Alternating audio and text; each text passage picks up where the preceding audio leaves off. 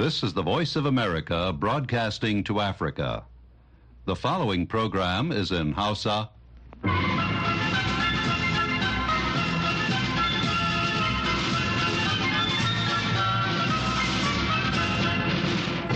Sashen Hausa na muryar Amurka ke magana daga nan birnin Washington DC.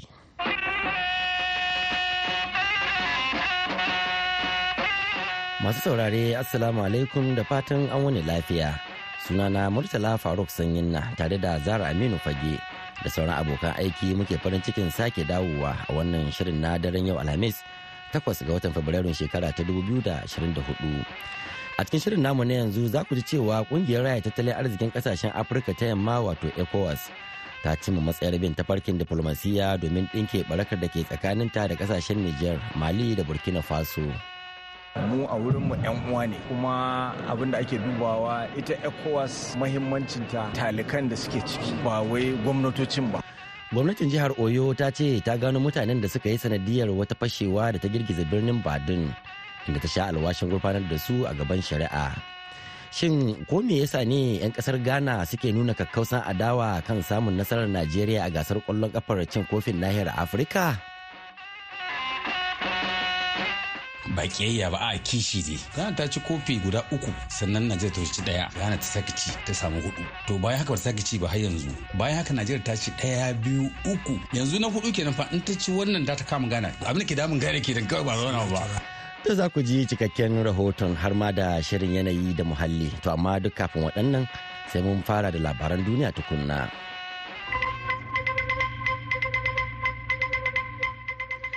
Masu sauraron mu Assalamu alaikum barkanmu da wannan lokaci. A yau Alhamis kotun kolin Amurka ta nuna alamu na shakku kan yunkurin dakatar da tsohon shugaban ƙasar Donald Trump daga shiga zaɓen shekarar 2024. A cikin fiye da sa'o'i biyu na sauraron dukkanin ɓangarorin biyu wato alkalan masu ra'ayin mazan jiya da alkalan masu sassaucin ra'ayi. Sun dasa alamomin tambaya kan ko Trump zai iya sake tsayawa takarar zaɓen shugaban kasa da za a yi ko a'a saboda rawar da ya taka a zaɓen da aka gudanar na watan Nuwamba shekarar 2020 wanda ya sanadiyar harin da aka kai ginin majalisar dokokin ƙasar a ranar 6 ga watan Janairun shekarar 2021. Babban abin damuwa shine ko majalisar dokokin ƙasar za ta iya ɗaukan mataki kafin jihohi su yi amfani da tanadin tsarin doka wanda aka amince da shi bayan yaƙin basasa don hana tsaffin jami'an da suka yi tawaye sake riƙa mukami. ruling from this court that affirms the decision below would not only violate term limits but take away the votes of potentially tens of millions. Lauyan Trump Jonathan Mitchell kenan yayin zaman na kotun koli yake cewa idan har wannan kotu ta amince da hukuncin da ya hana Trump takara, hakan zai tauyewa gwamman miliyoyin Amurkawa haƙƙinsu na zaɓar wanda suke so.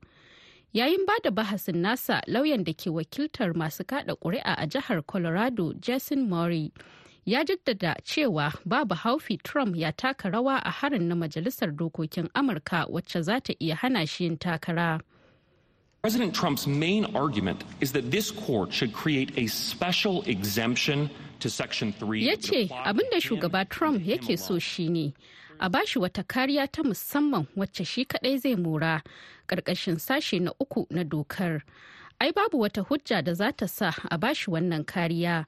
Saboda haka ina kira ga wannan kotu da ta yi watsi da ikirarin da yake yi cewa waɗanda suka samar da wannan doka sun yi kuskure. Akwai kuma tambayoyi kan ko wannan doka za ta iya aiki a kansa. Sakataren harkokin wajen Amurka a Tony Blinken ya dawo Washington daga gabas ta tsakiya a yau Alhamis ba tare da wata sabuwar yarjejeniya a hannu ba, wacce za ta ba da damar dakatar da buɗe wuta a yaƙin da Isra'ila take yi da Hamas wanda ya shafe tsawon watanni huɗu ana yi a Gaza. Ko kuma wata yarjejeniyar sakin mutanen da ke hannun mayaƙan da Hamas te garkuwa da su. Blinken da wasu jami'an Amurka sun ce suna da ƙwarin gwiwa cewa za a iya cimma matsayar dakatar da buɗe wuta tare da kuɓutar da sauran mutane ɗari ko fiye da aka yi garkuwa da su. Sai dai Prime Minister Isra'ila Benjamin Netanyahu ya nuna shakkunsa a kan barin yankin na gaza ya ci gaba da kasancewa ƙarƙashin ikon hamas lamarin da ya kwatanta a matsayin wanda ba zai yiwu ba. Yana mai cewa isra'ila za ta ci gaba da yaƙi har sai ta samu galaba. Jami'an ƙasar ukraine sun ce a yau alhamis uh, rasha ta kai hari cikin dare da jirage marasa matuƙa goma sha bakwai inda suka yi barna a mikolov da odessa sai dai ba a samu asarar rayuka ba. Rundunar sojin sama ta ukraine ta ce sojojin saman ƙasar sun lalata goma sha ɗaya daga cikin jirage marasa matuƙa a yankunan mikolov odessa venistia da dnipropetrovsk. Vita, Vitali Kim, gwamnan yankin Mykolaiv, ya faɗa ta kafar Telegram cewa an samu lalacewar gine-gine da masana'antu. A Odessa, gwamnan yankin Ole Kipa ya ba da rahoton lalacewar wani babban bene da ba a kammala ba da kuma wata makaranta.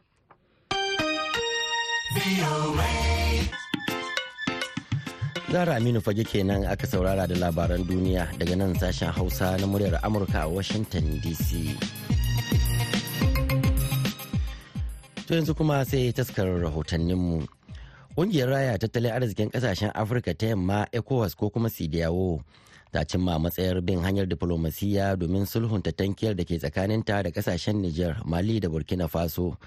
ƙungiyar ta cima matsayar ne a wani taro na musamman da ta gabatar a abuja najeriya inda kuma ta tattauna ciki har da batun ɗage zaɓen ƙasar senegal wakiliyar mu halima abdulra'uf ta tattauna da shugaban majalisar ministocin ƙungiyar kuma ministan harkokin wajen najeriya ambasada yusuf mai tamatuggar dangane da sakamakon taron.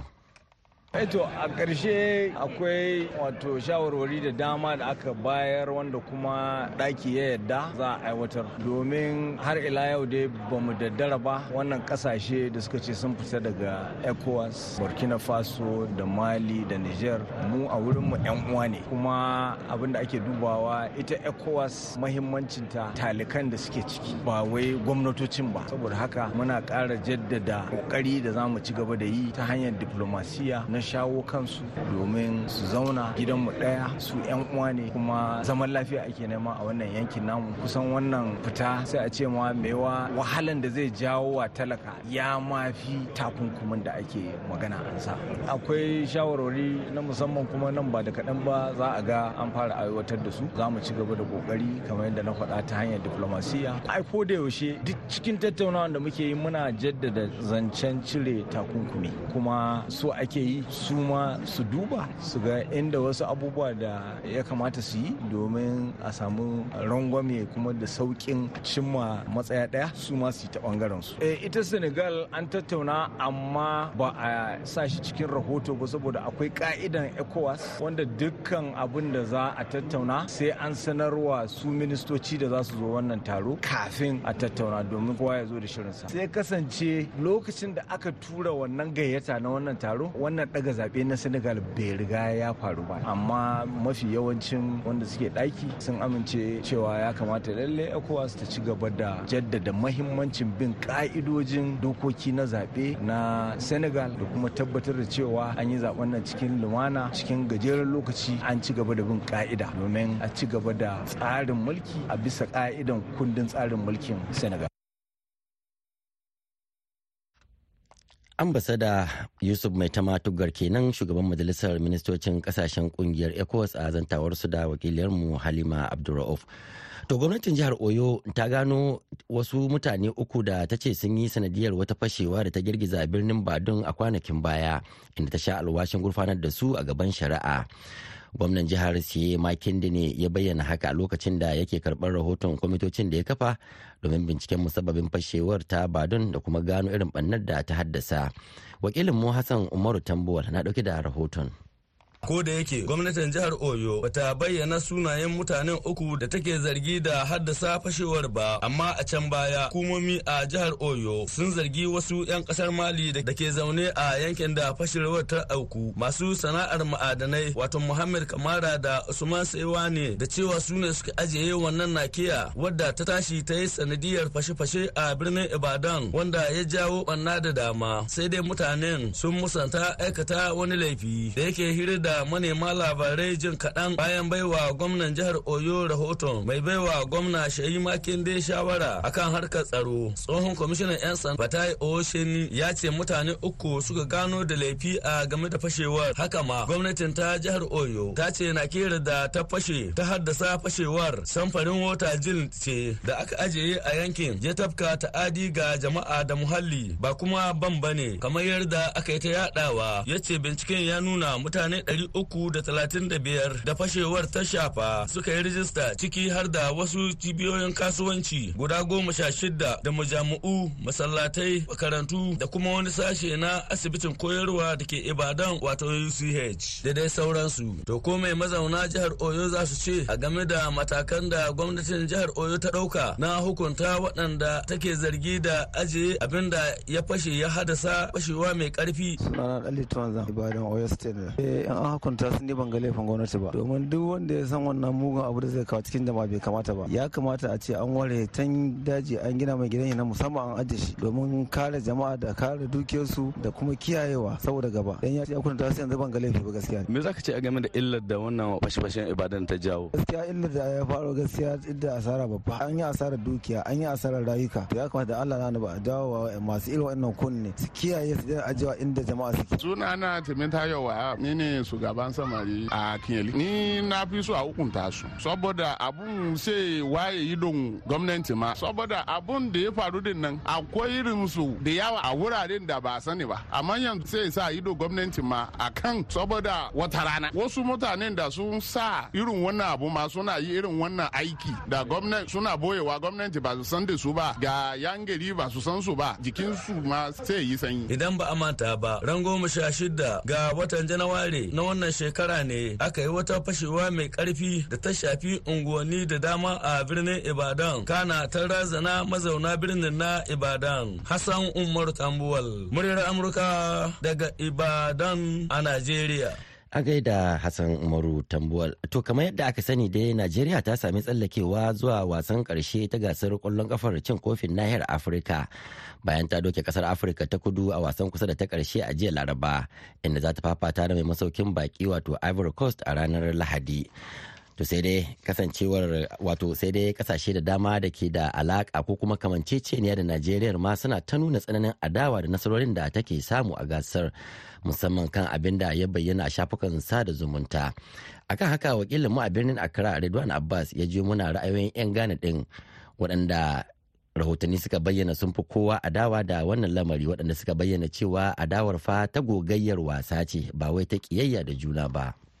Suna zakar muhammad mai daban-daban. Inda ya sa ni wasu mutanen ghana ba daɗi ba da yake ghana da najeriya sun zama kamar yan adawa. Sai sa ne suke cewa su ba su daɗi ba saboda najeriya ta ci gaba. Kuma najeriya ta ɗauki cap. In ta yi nasara ga wannan lokaci ta samu su fudu kenan ko so sa ta yi daidai da ghana sai sa su ba su daɗi ba mutane wasu mutanen ghana. Sunana coach abubakar muhammad. A hausa muke. Kenan in mun support din wani gari in ba ghana ciki najeriya ya kamata mu support. To amma ka san adawan da ke tsakanin najeriya da ghana ba wani abu ne bragging right ne. Ba ball kaɗe ba ka ga ya kama wajen waƙa wajen ababa da dama. Ka gani ko Ghanaians wasu gani suke in Najeriya ta ci kafin so huɗu kenan. Kuma da last time inda Ghana ta ci kafin 1982 ka gani so huɗu kenan shi yasa bragging right zai je sama. To abin da yasa kenan wasu 'yan Ghana suke adawa da Najeriya ka ta ci kafin. Amma ba wai kiyayya ba ne haka da ke. Ba mu san da wannan ba amma abin da na sani da jiya da gaba ɗaya gana muna jin daɗin najeriya su yi nasara. Tun kafin ma a soma wasan ma muna ce allah sa najeriya allah ba najeriya nasara. Na yi fira da wasu 'yan ghana sun ce haka nan ne saboda yanzu najeriya in sun ci sun zama drug. Najeriya su ma sun ci huɗu kenan ghana kuma sun ci kudu shi sa akwai wannan adawa. Ko da yake wasu sun gan shi haka na amma gaskiya mu dai jin daɗi ne a ce najeriya sun yi sun ci wasan jiya na sun je final su da cote don muna son abin ga su duki hannun cote ne. Saboda cote sun sa abin nan doka hannun ghana. Kuma muna bakin ciki da wannan cin da suka muna na shi sa dole ne mu supportin su su duki wasan. Ni ne alhaji mansur. Sai ka san ghana da najeriya dama hassan da husaini ne. Ana kishi da juna. Ba kiyayya ba a kishi ne. Ghana ta ci kofi guda uku. Sannan najeriya ta ci ɗaya 82 kuma aka sake dawowa libya ghana ta sake ci. Ta samu huɗu. To bayan haka ba ta sake ci ba har yanzu. Bayan haka najeriya ta ci ɗaya biyu uku. Yanzu na huɗu kenan fa in ta ci wannan da ta kama gana cikin kan kan kan. To abin da ke damun gane ke da kawai ba rawana ba. Kishi ko dai adawa na ƙwallon kafa tsakanin ghana da nigeria dai da daddan abu ne. Tun ba ma wannan karo da in nigeria ta lashe kofin ta yi kankan kam da ghana wacce so kudu tana cin kofin. Ita kuma cote d'ivoire sau biyu tana doke ghana ta ci kofin. Yanzu ayar tambaya ita ce tsakanin Najeriya da Cote d'Ivoire wa Ghana za ta so ta lashe kofin. Radwanullah Muktar Abbas sashen Hausa na muryar Amurka Accra, Ghana. To a gaida Ridwan Abbas kada manta wannan shirin na zuwa muku ne daga nan birnin Washington DC akan mitoci goma sha shida, ashirin da biyar da kuma talatin da ɗaya. A jamhuriyar Nijar kuma za a iya sauraron mu a tashar mu ta VOA Africa akan mita ɗari da biyu da ɗigo biyar. Baya ga haka a koda yaushe ake so za a iya zuwa shafukanmu na intanet a voahausa.com ko kuma sashen hausa.com yanzu ga shirinmu na yanayi da muhalli.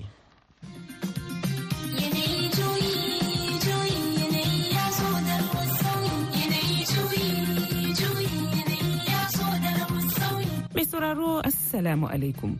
Barka da sake kasancewa da wani sabon shirin yanayi da muhalli daga nan sashen Hausa na muryar Amurka. a cikin shirin yanayi da muhalli na wannan makon. yanzu nan idan ki da janareto a gidan cikin kwana uku za ki ga yadda bangon zai yi baki ma'ana wannan shi ne rashin tsafta su. They are struggling to grow crops because they are now having serious shortage of rainfall. And this is leading for them losing crops. waɗanda za su kai ga rage fitar da iska nan mai limaman yanayi a ƙasa kuma sai a tace yawan wannan iska. Kaɗan daga cikin batutuwan da za mu yi nazari a kansu cikin shirin na wannan makon. Sunana aisha mu'azu. Madalla. Daga cikin alamomin da masana suka alakanta da sauyin yanayi akwai yanayin zafi rana iska da lokacin damuna da kuma wa'adin damunar wanda duk suke tasiri kan muhalli da kuma rayuwar dan adam. Kasancewar daga ita muhallin ne yake samu duk wata bukatarsa ta rayuwa. La'akari da irin sauye-sauyen da ake fuskanta a fannonin rayuwa daban-daban shine dalilin fitar da wata sanarwa da gidauniyar media advocacy for west africa foundation mawa a taƙaice ta yi. Karkashin jagorancin audu liberty oseni a ranar 21 ga watan janairun da ta gabata. Dan raji mai fafatakar wayar da kan al'umma domin tabbatar da shugabanci na gari wanda yi wa take sauyin yanayi. Lokacin ɗaukan mataki yayi malam usaini wanda ya bayani cikin harshen turanci ya ce the impact is becoming increasingly obvious in Nigeria, particularly in northern Nigeria. In Yobe State, for instance, you could see how the farmers are actually struggling. Malam Audu Liberty Useni ya ce, alamomin sauyin yanayi suna da bayyana a Najeriya musamman ma a yankin Arewa, ko da yake ya shafi dukkanin yankunan ƙasar, har da Abuja. misali a jihar yobe manoma suna fuskantar matsalar rairayi rairayi ya yi sanadiyar rasa gidaje sakamakon kwararowar hamada. Dalilin haka manoma suna ƙoƙarin noma abinci amma kasancewar suna fuskantar ƙarancin ruwan sama yana haifar da babban asara ga manoma. Hakanan ma bara a jihar kaduna masu noman citta sun yi babbar asara duk a sakamakon ƙarancin ruwan sama da bara a abuja mun gudanar da wani bincike inda muka gano cewa kusan kaso 65 cikin 100 na manoma suna asarar doya da suka girbe a sanadiyar matsalolin sauyin yanayi. Abin da ke faruwa shine suna ajiye doyan da suka girbe cikin rumbu da kuma ganye. Sai dai wannan dabarar tasu ta gaza sannan sun yi yunkurin adana doyan a gidajensu. Sai dai doyan sun fara rubewa na kuma gana da makiyaya inda suka shaida min cewa batun burtali da gwamnatin da ta shuɗe ta ɗago a gaskiya ba shi suke buƙata ba. Domin yanzu dambobinsu ba sa samun wadataccen ciyawa sannan kuma gulabe suna kafewa. Idan kuma kai gabashin najeriya akwai al'ummar karamar hukumar insuka galibinsu manoman barkono ne. Yanzu sun daina noman barkonon domin ƙarancin ruwan sama da matsalolin yanayin muhalli suka haifar. Yanzu manoma matan koma sayan ruwa domin su yi bayi inda ake sai da kowane tanka a dubu talatin. To mata guda nawa ne a cikinsu za su iya sayan ruwan? Kazalika haka lamarin yake a jihar yobe. Da na gana da mata manoma sun shaida min cewa sun koma amfani da injin ban ruwa. Amma tambaya a nan ita ce mata nawa ne suke da kuɗin yin hakan har ma da mazan? Wannan kenan To shi kuma Dr. Salisu Dahiru babban darekta a Majalisar Yaƙi da Sauyin Yanayi ta Najeriya wato Nigeria Climate Change Council ya yi bayani a game da wata haɗaka da hukumar ta kulla da ƙungiyar Majalisar Ɗinkin Duniya UNDP wacce ke tallafawa ci gaban ƙasashe ko me ake ƙoƙarin cimmawa da wannan haɗaka? Wani taro inda muka gudanar da wani haɗaka tsakanin majalisar yaƙi da dubaman yanayi ta gwamnatin najeriya da kuma ƙungiyar nan ta undp wadda ke ƙarƙashin majalisar ɗinkin duniya. Kan wani hanya da aka samu yadda za a rinka gudanar da manya-manyan ayyuka waɗanda za su kai ga rage fitar da iska dan mai limaman yanayi a ƙasa kuma sai a tace yawan wannan iska. A kuma yi amfani da shi kamar ya zama hannun jari a wadda za ka ga mutane suna amfani da shi tsakanin ƙasa da ƙasa wato abin da ake kira carbon market ko carbon trading. Shi wannan salo wani abu ne wadda ƙarƙashin majalisar ɗinkin duniya shine aka shigo da shi domin samar da kuɗaɗen shiga wadda ƙananan ƙasashe ko kuma ƙasashen da ba su ci gaba ba za su rinka amfani da shi domin samun kuɗin shiga da za a gudanar da waɗannan manya-manyan ayyukan a dalili kuwa shine waɗannan manyan ayyukan sukan buƙaci makudan kudade kuma sukan buƙaci fasaha da kimiyya waɗanda kuma kin san a nan afirka da su najeriya abu ne da suka riga suka wanzu ba.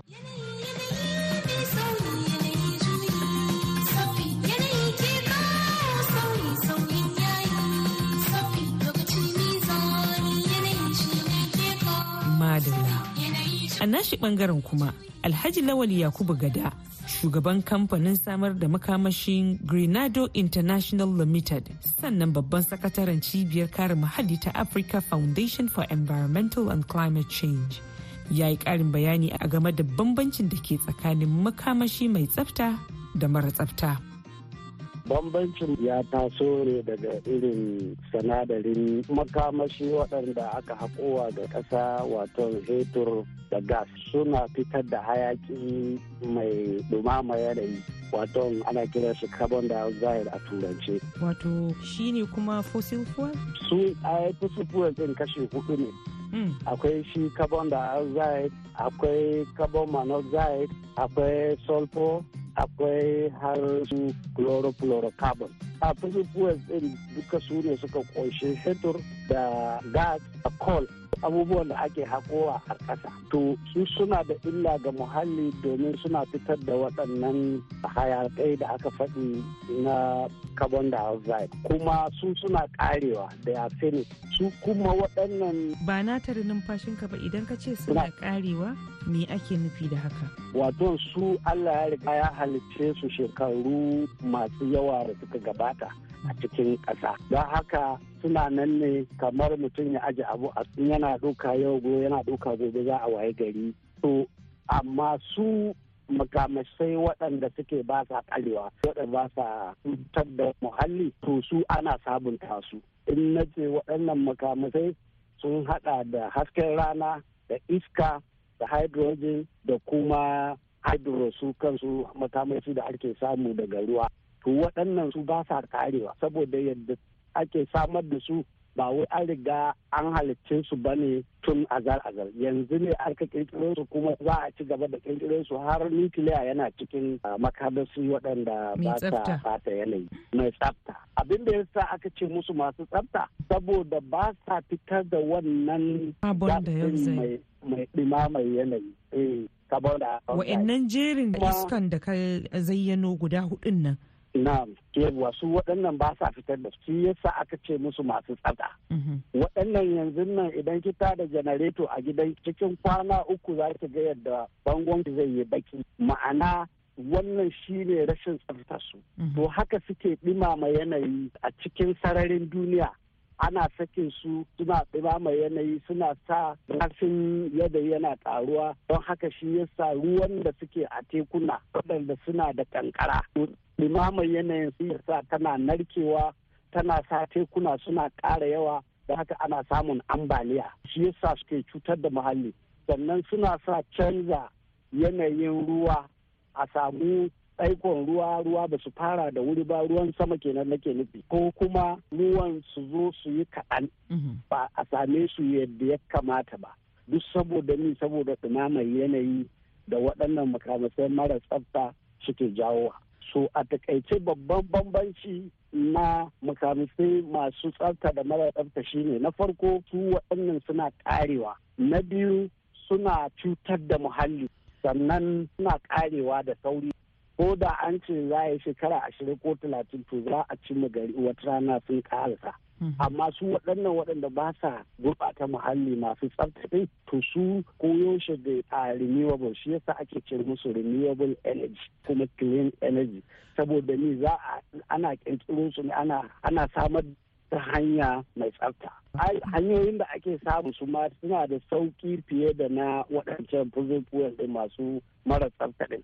Yanzu na crude oil yana da wuya yana bata yadda muhalli fiye da ki ce za ki yi amfani da sola ki samar da sanadari ko abin nan wanda bai bata abin nan. So don haka su sun fi sauƙi sai dai sun fi tsada wajen samarwa. Mai sauraro a nan za mu dasa aya a cikin shirin yanayi da muhalli na wannan makon. Sai kuma zuwa makon gobe idan Allah mai kowa mai komai ya amince za a ji mu da bayani a game da alfanun makamashi mai tsafta da matakan da ƙasar Ghana ta ɗauka don tabbatar da inganta tsaftar iska ƙasar. Yanzu a madadin Dr. Salisu Dahiru, Alhaji Lawali Yakubu Gada da Malam Audu Liberty Osini da maɗaukacin abokan aiki a nan muryar Amurka. Ni Aisha Mu'azu nake cewa mutara a shiri na gaba.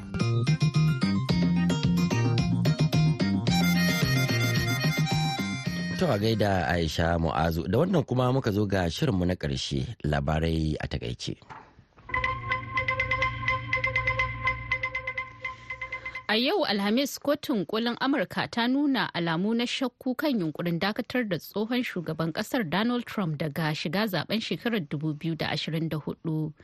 A cikin fiye da sa'o'i biyu na sauraron dukkanin ɓangarorin biyu wato alkalan masu ra'ayin mazanjiya da alkalan masu sassaucin ra'ayi sun dasa alamomin tambaya kan ko trump zai iya sake tsayawa takarar shugaban kasa da za a yi ko a'a saboda rawar da ya taka a zaɓen da aka gudanar na watan nuwamban shekarar 2020 wanda ya sanadiyar harin da aka kai a ginin majalisar dokokin ƙasar na ranar 6 ga watan janairu.